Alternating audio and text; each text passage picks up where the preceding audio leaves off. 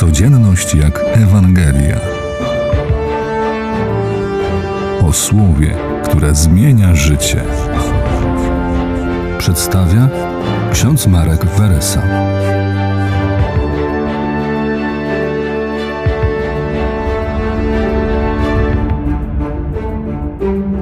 Wstał od wieczerzy i złożył szaty, a wziąwszy prześcieradło, nim się przepasał.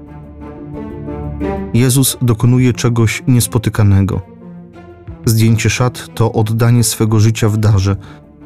Przepasanie się to oddanie życia. Mycie i wycieranie nóg było czynnością niewolnika. W prawie żydowskim mycie nóg było formą nabywania niewolnika. Przez obmycie nóg Jezus oddaje się wspólnocie uczniów, a oni stają się właścicielami Jego osoby. Apostołowie zewnętrznie widzą, co się dzieje. Zrozumieją to dopiero, gdy tajemnica krzyża rozjaśni się w blasku pustego grobu. W sensie prawnym, wspólnota uczniów jest właścicielem Jezusa. Takie też było prawo rzymskie. Akt jednego partnera na bycie niewolnika wiązał innych.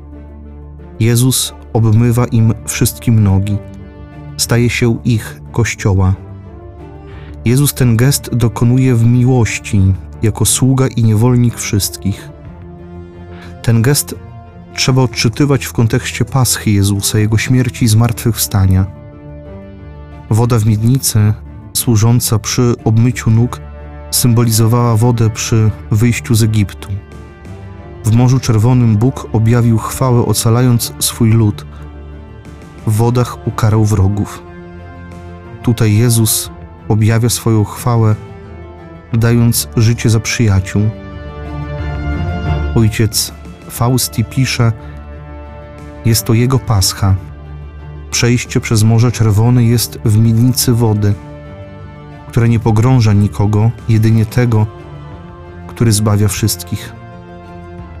Dałem wam bowiem przykład. Tu nie chodzi o zewnętrzny model do naśladowania, ale dar, który wprowadza nowy sposób postępowania, aby stać się uczniem Jezusa.